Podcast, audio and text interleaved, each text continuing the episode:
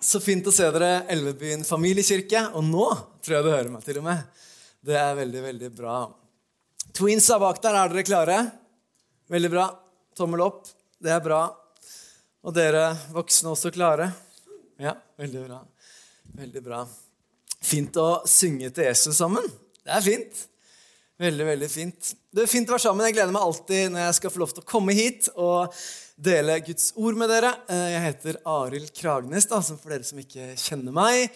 Og jeg hadde bursdag på lørdag, eh, forrige lørdag for en uke siden. Jeg ble 40 år, eh, så nå er jeg skikkelig voksen. Endelig. Takk. Det var akkurat det jeg ville ha en applaus. Nei da.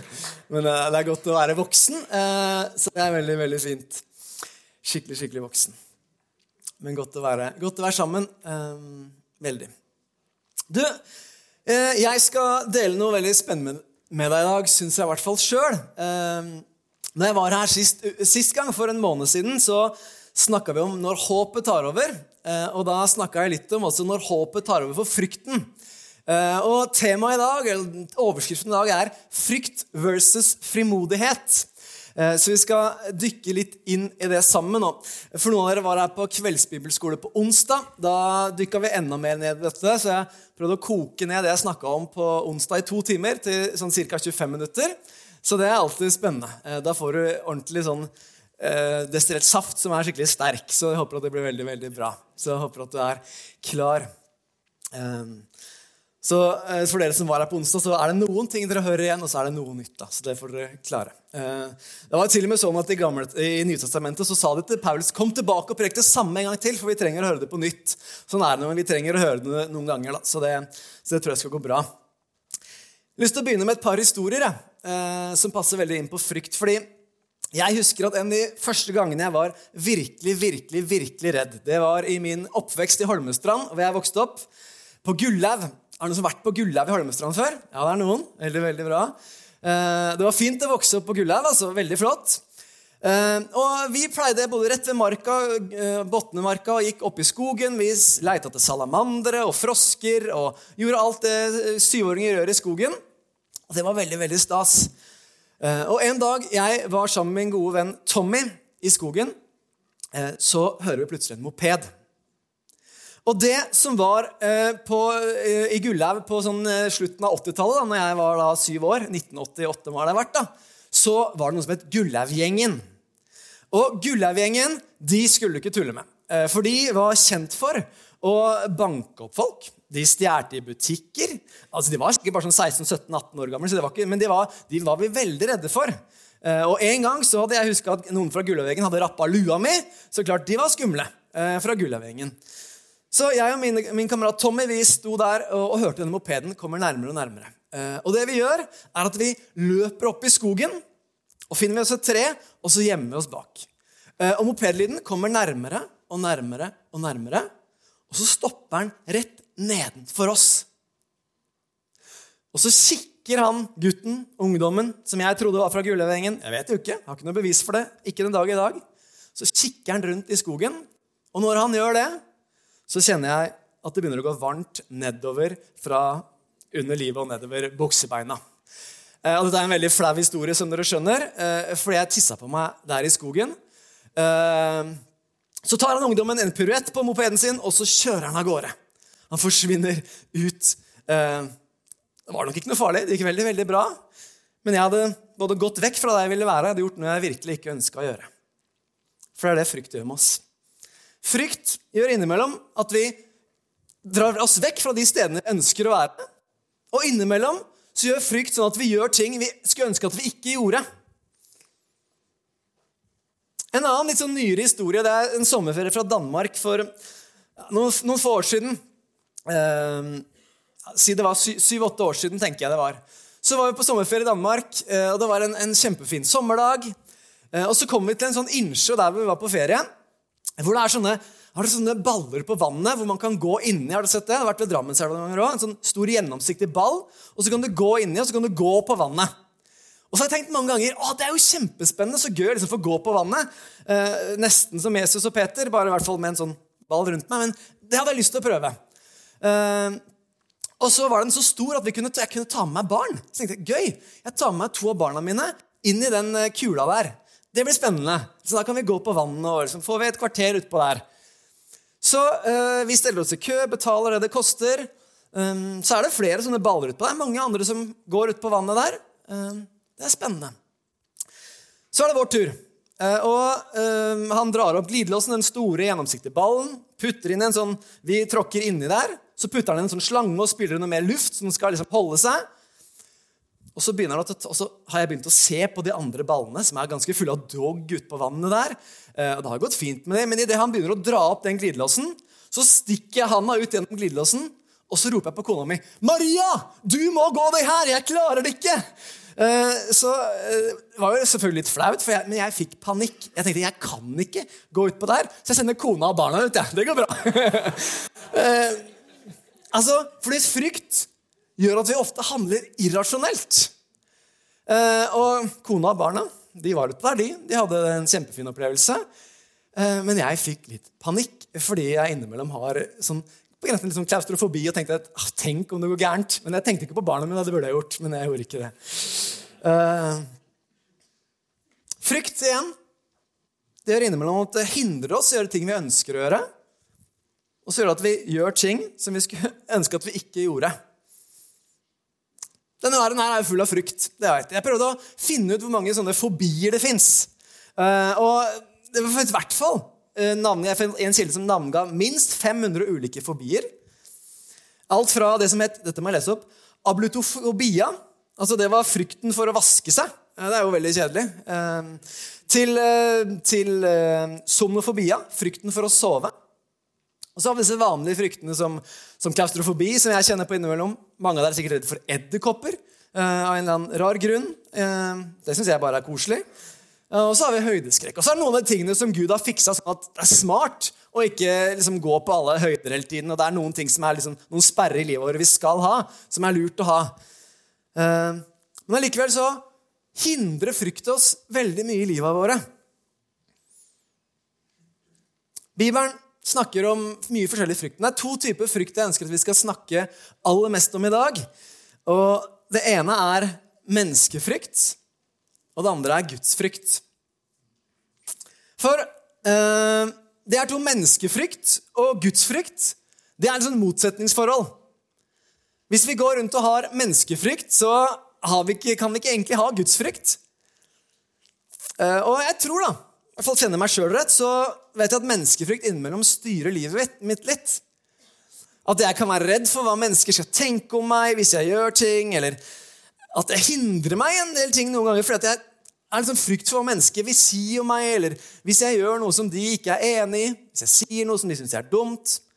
Innimellom så hindrer menneskefrykt meg fra å fortelle om Jesus sånn som jeg egentlig ønsker. Fordi jeg plutselig tenker at det blir bare dumt, jeg dropper det nå. Jeg. Det passer seg ikke.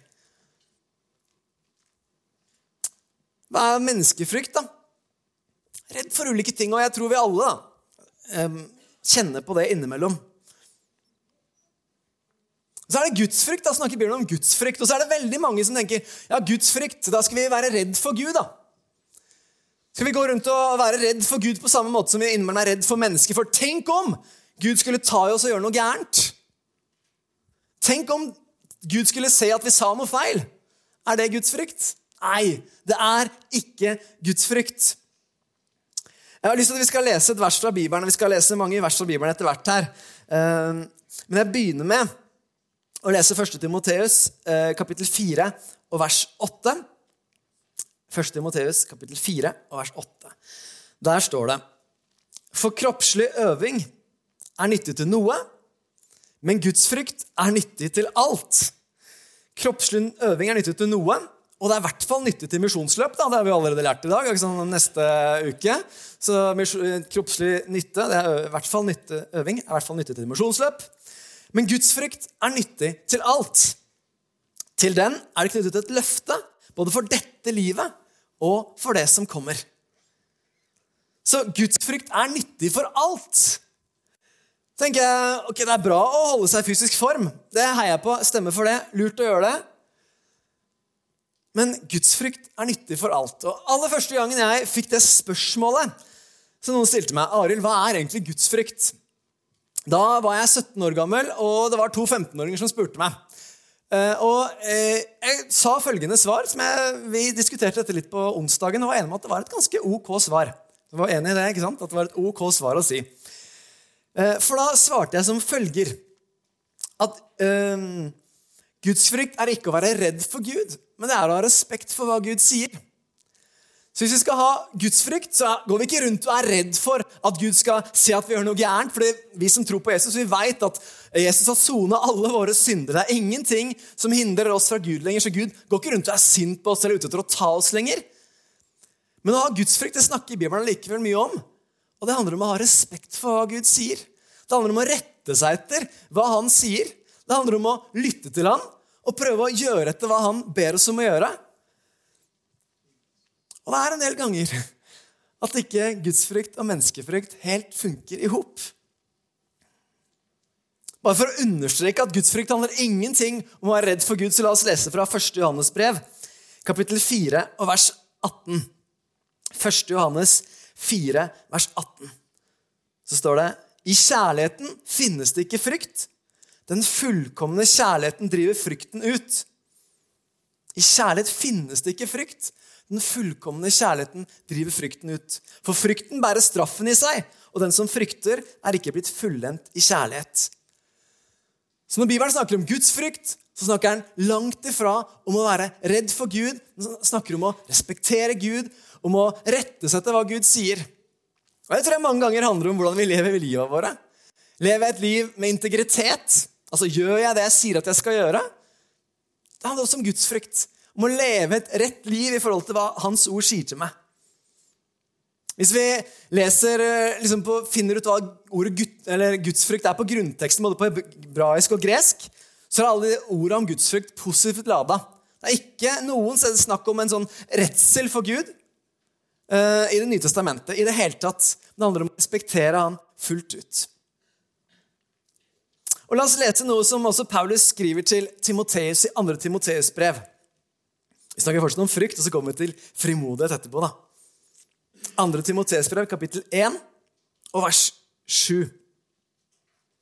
2. Timoteus 1 og vers 7. For Gud ga oss ikke en ånd som gjør motløs. Vi fikk ånden som gir kraft, kjærlighet og visdom. Gud ga oss ikke en ånd som gjør motløs. Det ordet som vi har som motløs i våre eh, norske oversettelser, det er de aller fleste engelske oversettelser brukt ordet 'fair'. Altså, Gud ga oss ikke en, ånd som frykter. Det er det ordet fra grunnteksten som jeg sjekka på. bruker noe som heter Bible Hub. Der kan man se fra grunnteksten. Veldig veldig fin måte å studere Bibelen på. Uh, Biblehub.com. Bra sånn uh, fikk du gratis ekstra tips hvis du vil sjekke ting fra grunnteksten. Men der bruker de ordet at vi fikk ikke en ånd som gjør at vi frykter. Eller vi fikk ikke en ånd som gjør at vi er feige men vi fikk ånden som gir kraft, kjærlighet og visdom. Så siden vi frykter, lever litt med positiv gudsfrykt, så trenger vi egentlig ikke å frykte mennesker. Selv om vi innimellom lar oss fange av det. Vi lar oss uh, At det tar tak i oss. Derfor så tror jeg at vi kan ha frimodighet. Uh, først og fremst kan vi ha frimodighet framfor Gud. og Du leste dette verset i stad, Jarle, så her får du Hebrebrevet 10, vers 19 en gang til. I Hebreerne 10, vers 19, så står det følgende. Så har vi da, søsken, frimodighet ved Jesu blod til å gå inn i helligdommen. Dit har han innvidd en ny og levende vei for oss gjennom forhenget, som er hans kropp. Og Jarle sa det bra her i stad i, i, den gamle pakt så var det bare ypperstepresten som kom inn i det aller helligste en gang, en gang, i året. Og da var det med frykt og beven. Men etter at Jesus døde på korset, så revna forhenget fra toppen til bunn, og så fikk vi adgang rett inn i det aller helligste. Og For meg da, så sitter ofte og tenker på det når jeg er på kristne møter. tenker jeg, Hadde dette bare vært at vi, vi sang noen sanger og, øh, og liksom samla oss, hadde det vært fint, det. Men jeg er så innmari glad for at det er så mye mer enn at vi faktisk eh, får lov til å gjøre et møte med himmelens og jordens skaper. At det er mer enn bare en fin samling og sosial greie, men at vi kan oppleve at vi kan gå inn i Guds nærhet. Inn i det aller helligste. At vi kan ha frimodighet til å gjøre det. Vi kan ha frimodighet til å komme. Akkurat sånn som vi er. Ikke fordi at du og jeg er så innmari pene og pyntelige, men fordi han har invitert oss gjennom Jesu blod, så kan vi komme rett inn i hans nærhet. Og når jeg veit at vi kan være frimodig for Gud, så tror jeg det også hjelper oss til å være frimodig for mennesker. Hva er da frimodighet? Så hva er det å være frimodig? Og jeg, å, jeg, er jo lærer, og jeg pleier alltid å si til elevene mine at hvis det er noe du er usikker på et ord, så må du smatte litt på ordet. Så må du se er det sammensatt av noe. Er det noe du kan finne ut her? Og ordet frimodighet det består av tre ord. Det består av ordet fri. Det består av ordet fri. Johannes evangelium, kapittel 8, vers 36, sier følgende For da Sønnen, altså, for da Jesus, frigjort dere, dra blir dere virkelig fri. Johannes 8, 36. For da Sønnen frigjort dere, da blir dere virkelig fri. Hva er det vi er fri fra, da? vi først og fremst er fri fra, det er, det er fri fra synd. Det er fri fra den synden som har bindet oss. Det har Jesus satt oss fri fra. Han har satt oss fri fra syndens makt. Han har satt oss fri fra, fra fordømmelse. Han har satt oss til å leve liv i frihet. For da Sønnen frigjort dere, blir dere virkelig fri. Jeg tror du og jeg innimellom trenger å oppdage at vi er frie. Jeg tror vi kristne innimellom eh, blir så vant til et fantastisk budskap at vi bare ja, ja, sånn er det bare, og så tenker vi ikke noe over det, og så slutter vi til slutt å leve det. Vet du hva? Vi er fri. Jesus har kalt deg å leve et liv i frihet. Og får da Sønnen frigjort dere, da blir dere virkelig fri. Det neste ordet er å være modig. Ifølge det store internettet så betyr eh, det å være modig betyr å være i stand til å gjøre noe man er redd for. Sånn, å være modig det er å være i stand til å gjøre noe du er redd for. Et av de beste eksemplene fra, eh, fra Bibelen, eller mange gode eksempler fra, det, fra modige folk i Bibelen, men David er et nydelig eksempel på en som er kjempemodig. Eh, og en, en historie fra, som vi ofte hørte på søndagsskolen om David og Goliat. Men tenk at David han hører om en, om en filister som håner Gud. Og David er en ung gjetergutt som, som Hvem er han der? Som håner min Gud. Og det er ingen fra Israels hær som tør å kjempe mot Goliat. Men David kong, går til kongen sin. Jeg, jeg går, jeg. Gud har vært med meg før, han kommer til å være med meg igjen. Og når, når kongen sier 'ta på deg rustningen min', da, så sier David Nei, den er altfor tung. Det funker jo ikke. Jeg, jeg må være meg sjøl. Det er et nydelig eksempel på at vi må være oss sjøl. Kan ikke prøve å være alle andre. Hvis vi skal være modige, så nytter ikke å prøve å være som Jarle. Jeg kan ikke være Jarle. Selv om han er veldig tøff og snart 50 år, så kan jeg jo ikke det. Jeg, må, jeg er nødt til å være meg sjøl. Skal jeg være modig, så må jeg være den rustningen som Gud har satt meg. Og så møter David Goliat.